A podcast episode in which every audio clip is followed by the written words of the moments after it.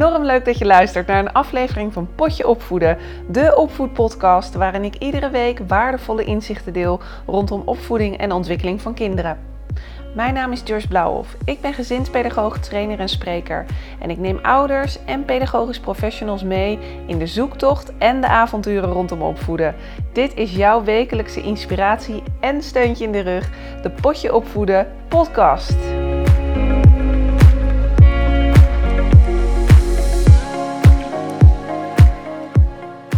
Lieve luisteraar, wat fijn dat je weer luistert naar een nieuwe aflevering van Potje Opvoeden. Wat ben ik toch blij en dankbaar ook dat je weer luistert en weer ingetuned bent. Nou, ik wil meteen even met het nieuws beginnen dat dit de laatste aflevering is van dit seizoen. Niet getreurd, uiteraard. Of uiteraard, ik ga verder. Ik heb in podcast nummer 1 over dwarsgedrag bij kinderen laten weten dat ik dit avontuur aanging met het potje opvoeden. En ik mezelf heb toegestaan om te kijken wat vind ik ervan, hoe ervaar ik het, hoe ziet het eruit naast mijn huidige werkzaamheden, is het te doen. En ik moet eerlijk bekennen dat het veel tijd en veel werk kost, eh, zo'n podcast naast de dingen die ik doe. En ik ben erg gezegend de komende tijd dat mijn agenda echt rap vol zit. En ik ook weer opnieuw een beetje strategiebepaling moet gaan doen en wil gaan doen met mijn bedrijf. En deze podcast past daar goed in. Ik merk dat ik ontzettend veel plezier beleef om het te maken voor jou. En waarom? Omdat ik zoveel leuke reacties krijg. En het is bizar gek, want ja, weet je, ik zit hier gewoon te kletsen in mijn woonkamer met een microfoon en ik zie je niet. Maar door die reacties die ik krijg, merk ik dat de podcast ontzettend wordt gewaardeerd. Als ik ook even kijk naar de statistieken, op dit moment zijn er meer dan 5000 downloads. Dat is veel. Ja, daar ben ik gewoon ontzettend trots op. En vooral ja, het feit dat mensen dan toch mij mailen of even de podcast delen of een screenshot maken of een foto maken dat ze de podcast aan het luisteren zijn. Ja, dat zorgt ervoor dat ik doorga. Want het is nu dinsdagavond en ik merk, oh ja, ik moet nog een podcast opnemen. En dat is natuurlijk wel iets waarvan ik denk, ik wil dit wel in een lekkere vibe blijven doen. En het moet niet iets worden van wat moet. En ik ben de laatste tijd meer bezig om nee te zeggen tegen dingen. Ik heb daar ook een post over geplaatst op Instagram. En heb ik ook veel reacties op mogen ontvangen van volgers. Van dat je uiteindelijk ook voor jezelf moet gaan kiezen waar word ik blij van? Waar gaat mijn hart sneller van kloppen? Waar gaat mijn vuurtje meer van branden? En dit jaar bestaat mijn bedrijf tien jaar. En ik voel dat ik nog niet volledig op mijn potentieel zit. Ik kan nog veel meer met mijn bedrijf bereiken en ik wil nog veel meer impact maken in de wereld. mijn missie is om zoveel mogelijk opvoeders te helpen. Om jou te helpen als pedagogisch professional, wat je bent, of als moeder of als vader, of gewoon als geïnteresseerde in de opvoeding en ontwikkeling van kinderen. En ik merk een beetje dat ik mij de laatste tijd een beetje tegen laat houden door een innerlijk stemmetje die erg geneigd is om voor zekerheid te gaan en stabiliteit.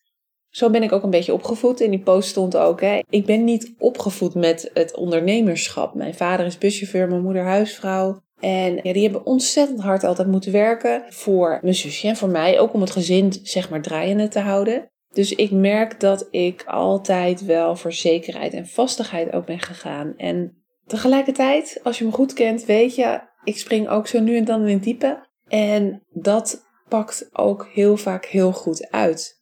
Ik had deze week een gesprek met een uh, collega. En zij zei: Joyce, ken je de tekst van Loesje? En dat resoneerde ontzettend met mij. Ze liet weten: de tekst van Loesje, die luidde als volgt: Als je met beide benen op de grond staat, dan kom je nergens. En zo is het natuurlijk dit leven, je hebt maar één leven. Je hebt een deadline. Het is niet zo dat jouw en mijn leven onbeperkt geldig is. En iedere keer weer word ik me bewust van het feit dat je dit leven hebt om je dromen na te jagen.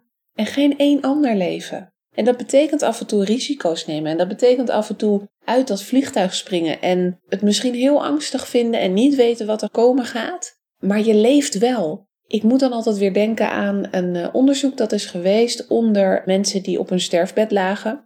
The Regrets of the Dying. Er is ook een boek over geschreven, dus als je dat leuk vindt, google vooral even. En mijn missie, of ja, mijn motto eigenlijk, zo moet ik het zeggen. Mijn motto is wel altijd geweest: ik wil niet hebben, had ik maar. In dat onderzoek is gevraagd aan mensen die op hun sterfbed lagen: welke levensles wil jij nog meegeven? En verreweg op nummer 1 staat: had ik maar meer geluisterd naar wat ik wilde in plaats van luisteren naar anderen. En dat is wel iets waar ik me aan committeer. Ik wil straks op het einde terugkijken en denken: wauw, ik heb gedaan wat ik wilde. Ik heb gedaan wat mij gelukkig maakte. En er zullen successen zijn, er zullen dalen zijn. Uh, hopelijk zijn er natuurlijk meer successen, hè? laten we wel wezen. Maar die dalen, die zorgen er ook voor dat je beter weet waarom dingen gebeuren. En ook juist op dat soort momenten kan je achteraf terugkijken en denken: oh, dat was de reden waarom het gebeurde. En vaak is het natuurlijk achteraf dat je dat kan bedenken, of hè, kan zien, of ervaren, voelen.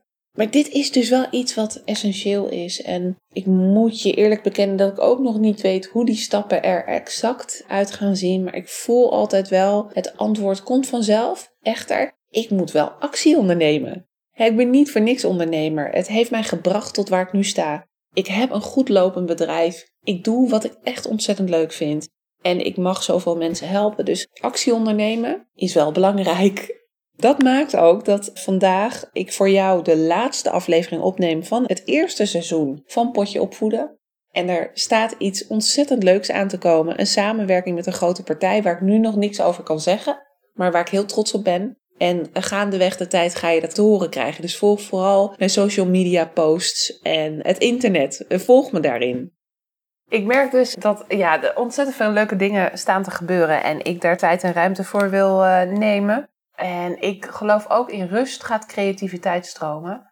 Dus de komende tijd ga ik ook even bewust wat me-time inplannen. En misschien herken je dat wel. Ik merkte de laatste tijd dat mijn hoofd, mijn gedachten, fabriek, ik was veel met werk bezig.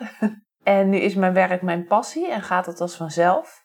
Dat is ontzettend fijn, hè? Als je iets vindt dat gewoon vanzelf gaat, omdat je het zo leuk vindt. Maar omdat het dus ook zo leuk is en er zoveel op mijn pad komt, is het ook belangrijk uiteindelijk om soms nee te kunnen zeggen. Een voorbeeld, het schrijven aan een boek over pedagogiek. Ik heb er nee op gezegd, omdat op dit moment het komt niet uit. Ik zou hier ontzettend veel ja, tijd ook mee kwijt zijn. Ik ben iemand die het dan ook weer heel graag heel goed wil doen. Tegelijkertijd, ik word toch nog blijer op dit moment van andere zaken. Dus nee zeggen tegen een ander is soms ja zeggen tegen jezelf.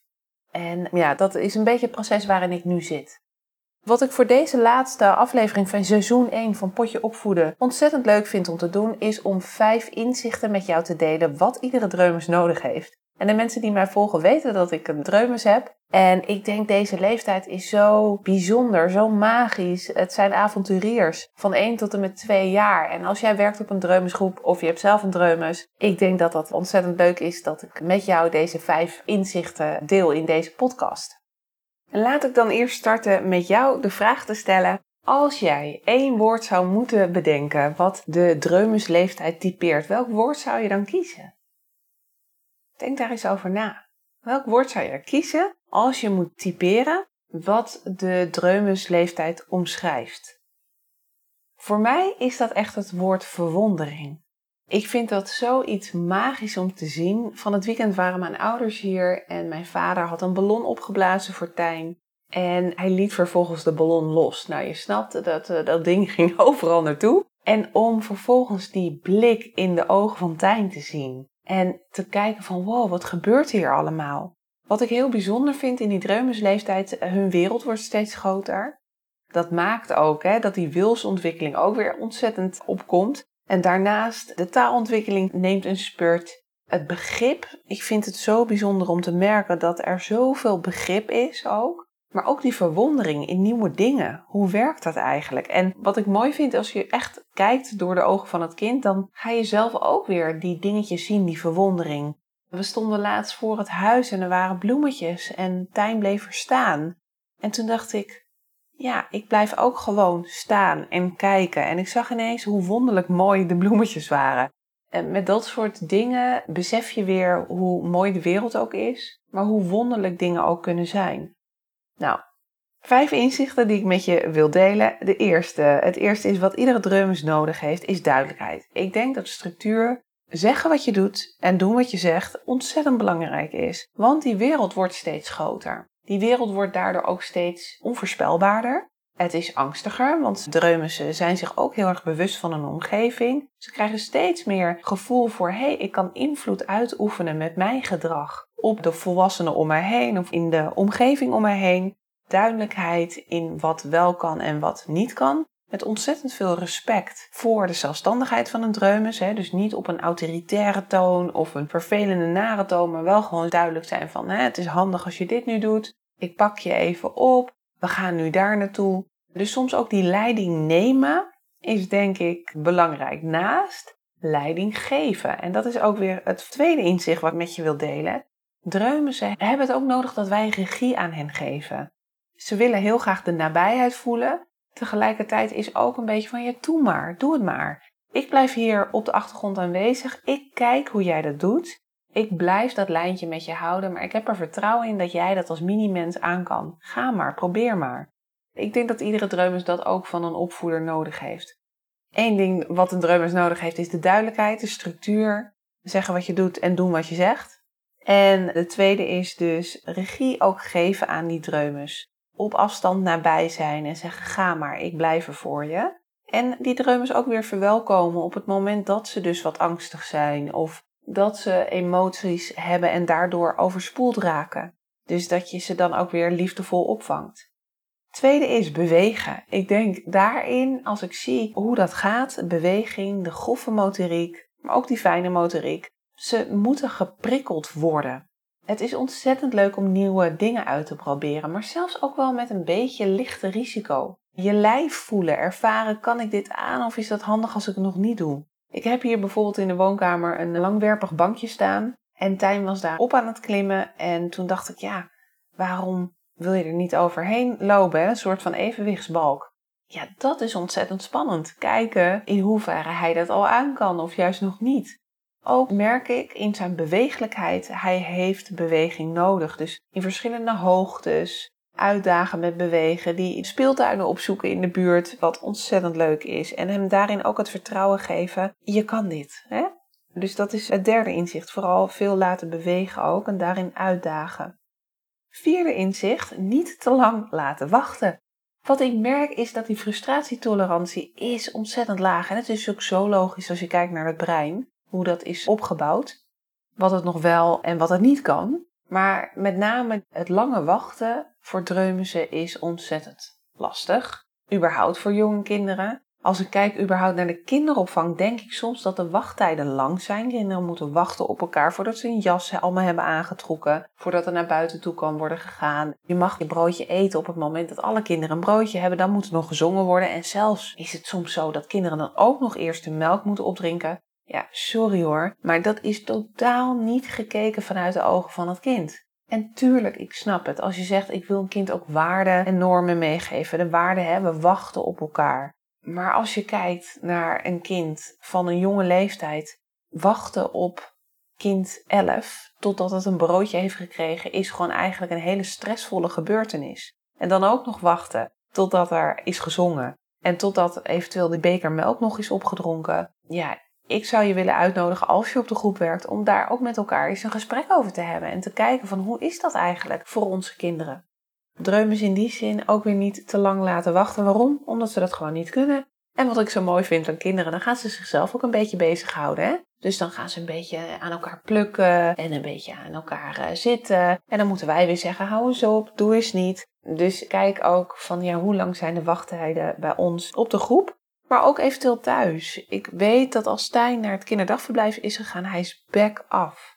Ik moet niet van hem verwachten dat hij dan nog ook alle afspraken nakomt. Als in bijvoorbeeld rustig wachten totdat ik dan heb gekookt. Of ik merk ook vanuit het gevoel dat hij minder heeft geslapen bijvoorbeeld. Of vermoeid is. Dat hij eerder geneigd is om grenzen over te gaan of dingen uit te proberen waarvan je eigenlijk denkt, ja, dat vind ik niet zo handig als je dat nu doet. Dus ik probeer daarin ook wel een beetje mee te geven. Ik zorg bijvoorbeeld met het eten dat ik al wat komkommertjes snijd en hem alvast die komkommertjes geeft om op te peuzelen of een toosje rozijnen. Daar is hij even mee bezig, zodat ik de rust heb om even wat in elkaar te flansen en nog beter te zijn. Ik zou nog perfectere moeder kunnen zijn. Ik ben helemaal niet perfect als ik het eten had voorbereid. Maar ja, dat is iets wat ik niet doe. Mogelijk dat er andere moeders zijn die al meteen smiddags hebben gekookt en noem maar op. Maar dat is iets wat ik iedere keer wel weer voorneem. Oh ja, dat moet ik doen. En door ja, de drukte van alle dag schiet dat er wel eens bij in. En ook dat is oké.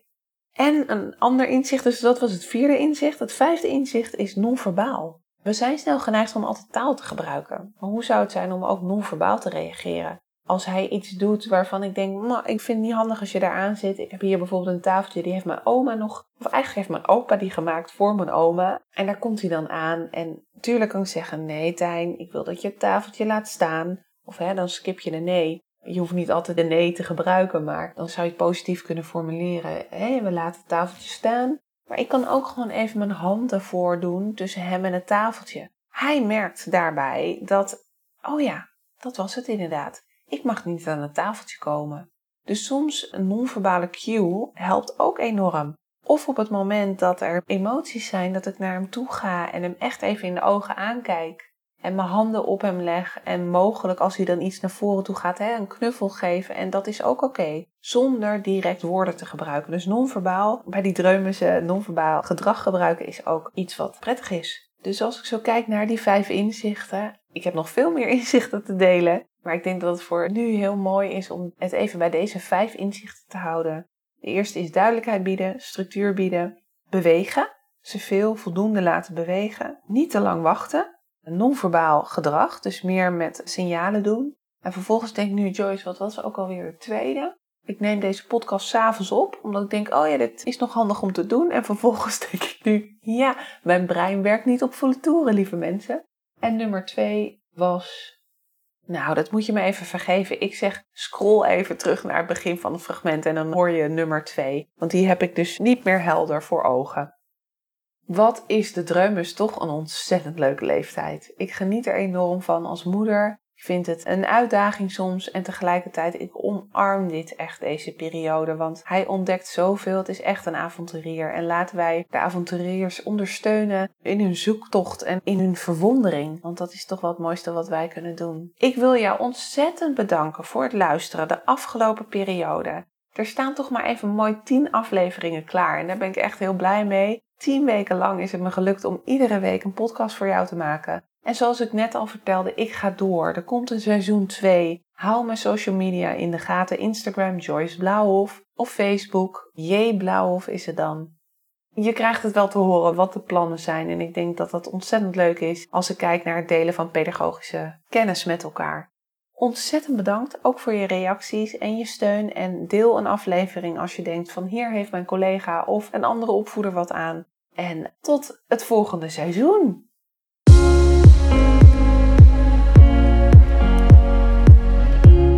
Hey, wat ontzettend leuk dat je hebt geluisterd. Bedankt daarvoor. Nog een paar dingen die ik graag met je wil delen. Wil je alle afleveringen overzichtelijk onder elkaar? Abonneer je dan op deze podcast. Klik in jouw podcast-app op de button subscribe of abonneren en je ontvangt dan automatisch een berichtje als er een nieuwe aflevering online komt. Mijn missie is om zoveel mogelijk ouders en pedagogisch professionals te helpen bij het opvoeden van kinderen. En om mijn missie te bereiken, helpt het als jij een review wilt achterlaten via de app waarmee je deze podcast luistert. Ken je nou iemand voor wie deze aflevering interessant is? Dan zou het fijn zijn als je hem of haar deze aflevering doorstuurt, door bijvoorbeeld de link te kopiëren in Spotify. Ik zou het ook gaaf vinden als je een screenshot deelt als je deze podcast luistert en deelt via social media. Ik vind het altijd leuk om een berichtje van je te ontvangen, om te horen wat je van deze podcast vindt en of je misschien zelf vragen of suggesties hebt. Stuur mij een berichtje via mijn website jblauwhof.nl. Dat is kleurblauw en hof met dubbel F. jblauwhof.nl of via mijn Instagram pagina Joyce Blauwhof. Tot de volgende aflevering.